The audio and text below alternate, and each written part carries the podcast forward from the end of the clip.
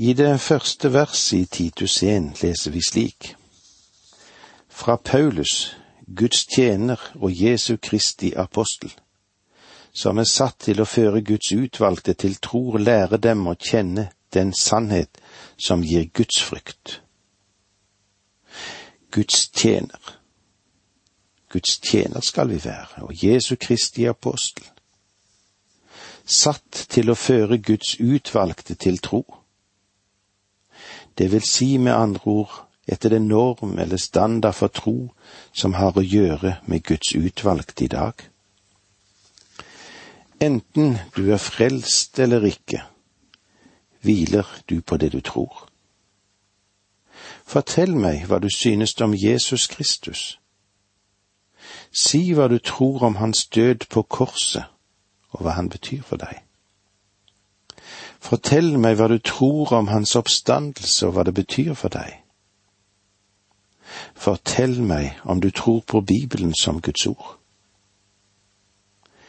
Med bakgrunn i disse informasjoner tror jeg at jeg kan slutte meg til om du er et Guds barn eller ikke.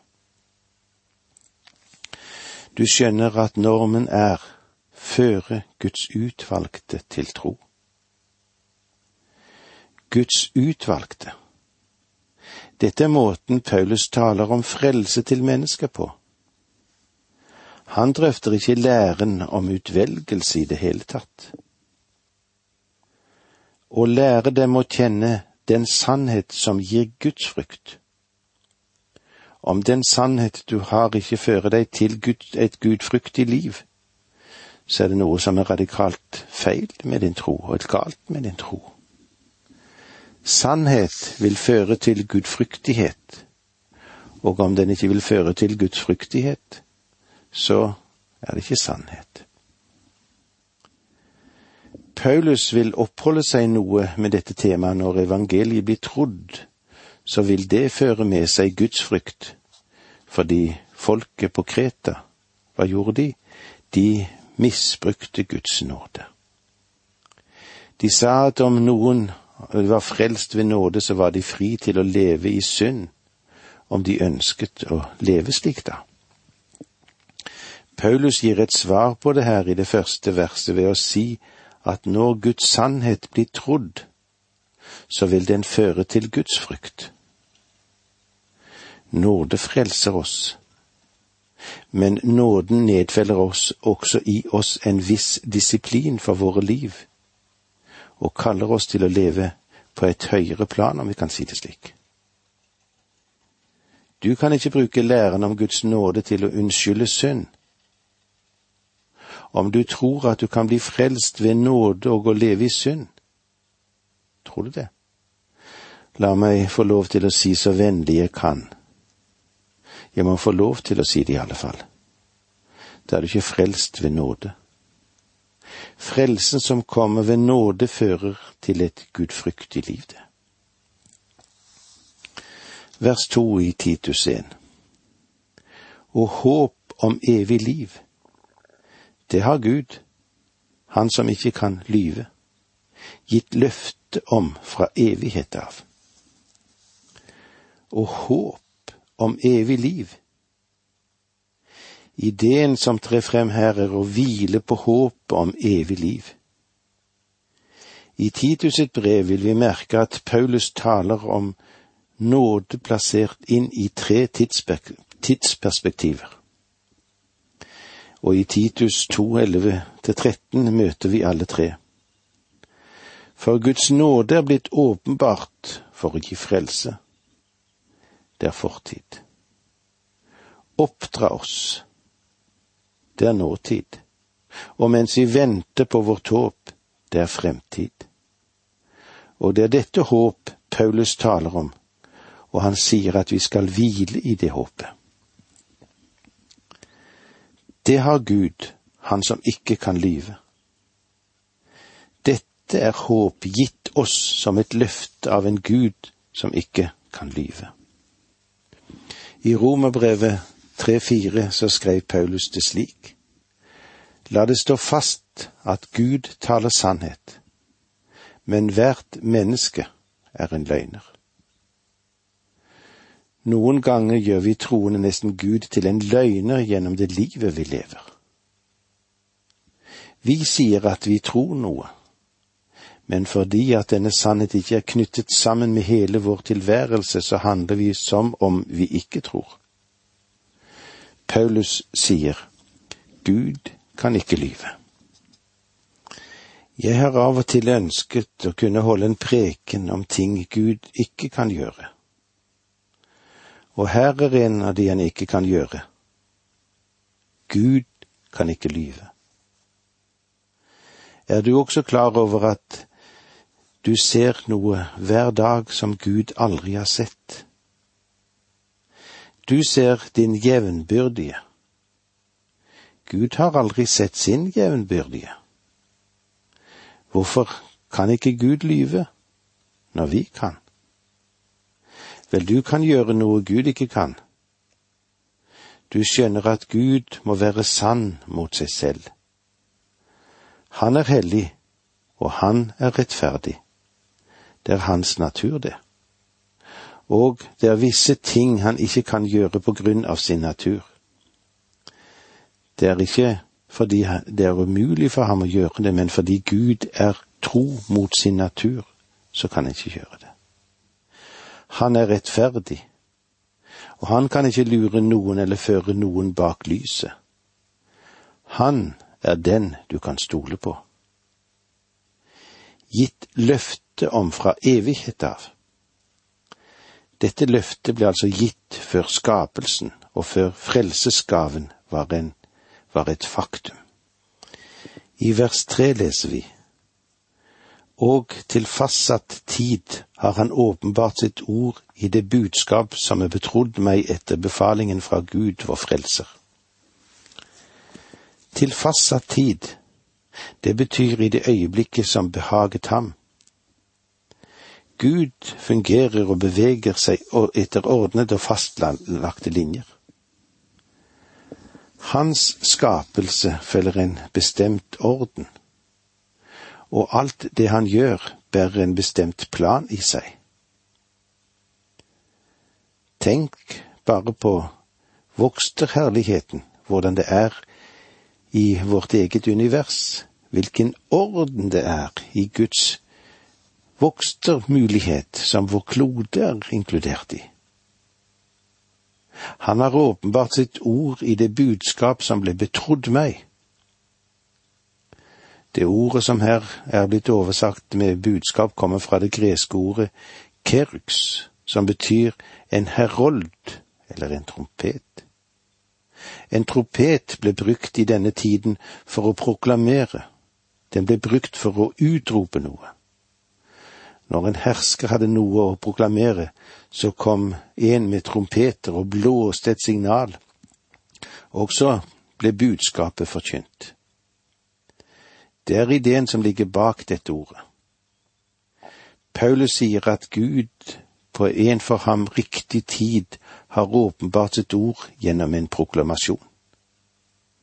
Han legger så til at det er betrodd ham å forkynne dette ordet, etter befaling fra Gud vår frelser. Vers fire Jeg hilser Titus, min egen sønn, i den tro vi har felles Nåde og fred fra Gud Fader og Kristus Jesus, vår Frelser. Titus, min egen sønn, eller min ekte sønn. Paulus hadde ført Titus til den frelsende kunnskap om den Herre Jesus Kristus. Titus var Paulus sin åndelige sønn. I den tro vi har felles, den felles tro er den tro som deles av alle. Den tro som alle troende må eie. Det er en levende tro på den Herre Jesus Kristus. Nåde og fred fra Gud, Far og Kristus Jesus, vår Frelser. Guds nåde er blitt åpenbart, og derfor kan Gud vise oss barmhjertighet i dag. Jeg vet ikke hvordan det er med deg, men jeg må tilstå at jeg har brukt opp en hel del av Guds barmhjertighet og nåde. Og med det sier vi takk for nå, må Gud være med deg.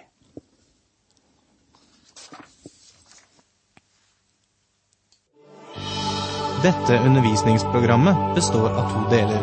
Åge Nevland fortsetter nå med andre del av dagens undervisning. Vi er i Titusbrevet, i det første kapitlet, og vi ser hvilken stor betydning dette brevet har å gi oss og si til oss, vi som lever òg i dag. I det fjerde verset i det første kapitlet leser vi slik. Jeg hilser Titus, min egen sønn, i den tro vi har felles, nåde og fred fra Gud Fader og Jesus Kristus, vår Frelser. Nåde og fred fra Gud Fader og Jesus Kristus, vår Frelser. Guds nåde er blitt åpenbart, og derfor kan Gud vise oss barmhjertighet i dag. Jeg er så takknemlig for at Han har vist sin godhet mot meg, at ikke, og at Han ikke behandler meg etter slik som jeg er, etter min stahet og etter min ulydighet. Han har ganske enkelt vært god mot meg.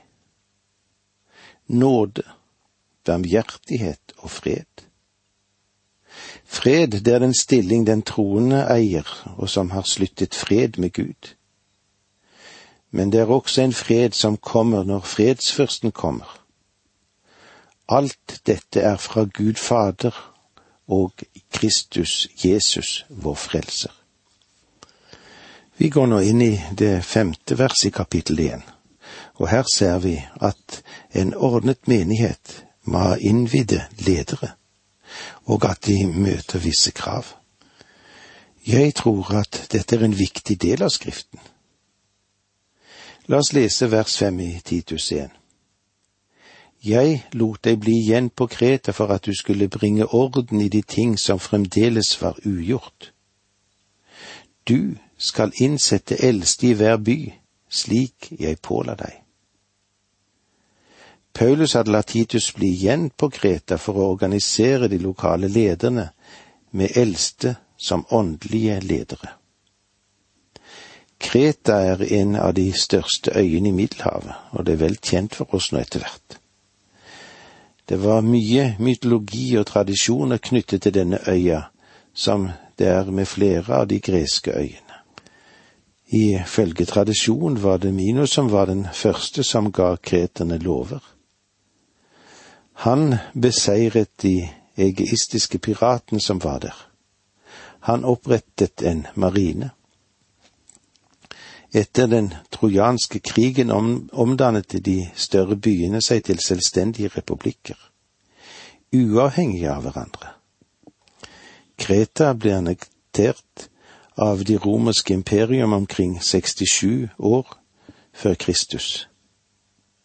De største byene var Knovsos, Syd-Onia og Gytynia, og det virker som om de, de allerede var menigheter på alle disse stedene. Det virker som om Paulus hadde hatt en effektiv misjonstjeneste på øya. Men Skriften forteller ikke noe om hans opphold der. Det er faktisk ingen absolutte beviser på at han i det hele tatt dro til Kreta før reisen til Rom. Men av de informasjonene som vi her får i dette brevet, er det klart iallfall inntrykk av at han var der og etterlot Titus for å organisere menighetene, de som var grunnlagt av ham og Titus.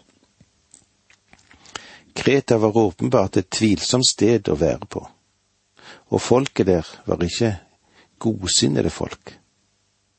Paulus sier selv at de var løgnere, og at det var det de var kjent for på denne tiden. Det var et gammelt gresk ord som het kretisien, som betyr å tale som en kreter, og det var et synonym å være en løgner. En av deres egne poeter skrev det slik. Kreta, som har hundreder byer, kan ikke fornekte at de har gitt seg løgnen i vold. Selv om de var kjent som løgnere og Paulus hadde andre lite smigrende ting å si om dem, så vendte mange av dem seg om til Herren. Og Paulus skriver til Titus at han må organisere og han må samordne disse menighetene. Du skal bringe orden i de ting som fremdeles er ugjort. Du skal innsette eldste i hver by slik jeg påla deg. Gaven som de eldste er en gave til menigheten. Det å legge hånden på hodet til noen menn og gjennomføre et lite ritual gjør dem ikke til eldste i Bibelens mening. Men jeg tror det kan være av betydning å innvie menighetens ledere. De som har gaven som åndelige helstøpte ledere. Jeg tror at menighetene på Kreta hadde eldste, men de var aldri blitt ordinært. Det vil si at eh, de var satt til side for denne tjenesten. De var menn som hadde evne til å lede menigheten, og de brukte denne gaven uten noen autoritet. Titus skal innsette eldste, utpeke dem og ansette dem for dette spesielle oppdraget i hver by. Slik jeg påla deg. Det Paulus egentlig sier her, jeg har utpekt deg, Titus, og du skal utpeke eldste i disse byene. De menn som ble avsatt til dette tjenesteforholdet, burde være tjenlige. Det er en del menn som gjøres til ledere i menigheten som ikke har gaven til å være leder og det er noe av problemet i flere menigheter også i dag. Og den andre delen av problemet er at det er gode menn som har gaver og evne til dette, men som ikke blir innsatt som leder i menigheten. Og når en menighet ikke får de rette lederne, så dykker det opp alltid alle slags problemer. Her kommer da kravene som stilles til de menn som skal ha denne tjenesten vers seks. En eldste må det ikke være noe å utsette på. Han skal være en kvinnes mann. Hans barn må være troende, ikke oppsettstige, og ikke anklages for å leve et vilt liv. Ikke være noe å utsette på. Det betyr ikke at han må være fullkommen uten synd. Det betyr at de anklager som føres mot ham, ikke må vise seg å være sanne. Hans liv må heve seg over det klanderverdige. Når noen kan sette fingeren på en leder i en menighet, og med rette anklage vedkommende for uhederlighet, da skader det Kristi sak. Det betyr lite hvor naturlig utrustet et menneske må være.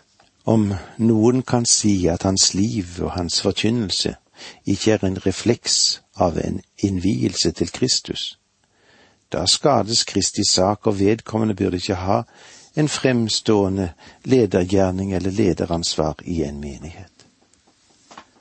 Han skal være en kvinnes mann. Hans barn må være troende.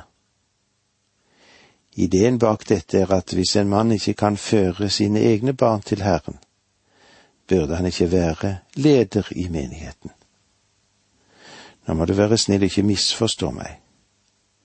Jeg erkjenner fullt og helt at selv i det mest vidunderlige kristne hjem så finnes det en sønn eller datter som er borte fra Herren, og som ikke er et vitnesbyrd om at de har fått en gudfryktig oppfostring.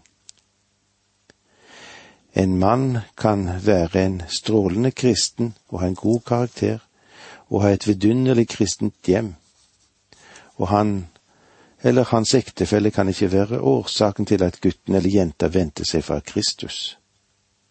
Men Paulus er ganske stram her og sier at i så tilfelle burde vedkommende ikke være leder i menigheten.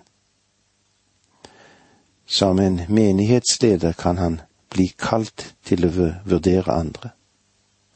Og de kan på sin side rette fingeren mot ham og si, Hva med deg? Hva med din sønn eller din datter?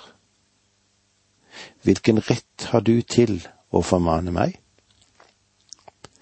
For Kristi sak og for tjenestens skyld skulle en leder i menigheten ha barn som tror.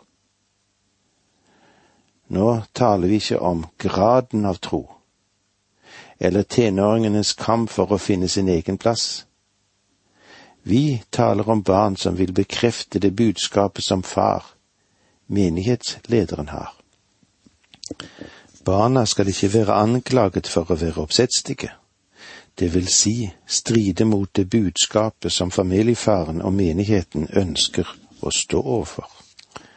Vers syv For en tilsynsmann er Guds forvalter, og det må ikke være noe å utsette på ham. Han må ikke være egenrådig, bråsint, drikkefeldig, voldsom eller ute etter skammelig vinning. Dette er såre praktisk, ikke sant? En eldste eller biskop må ikke være egenrådig, for han er Guds forvalter og Herrens representant for folket. Han er i menigheten for å finne og gjøre Guds vilje. La oss tenke på disse tingene til vi møtes igjen neste gang. Det var så langt vi kom i dag. Takk for nå, må Gud være med deg.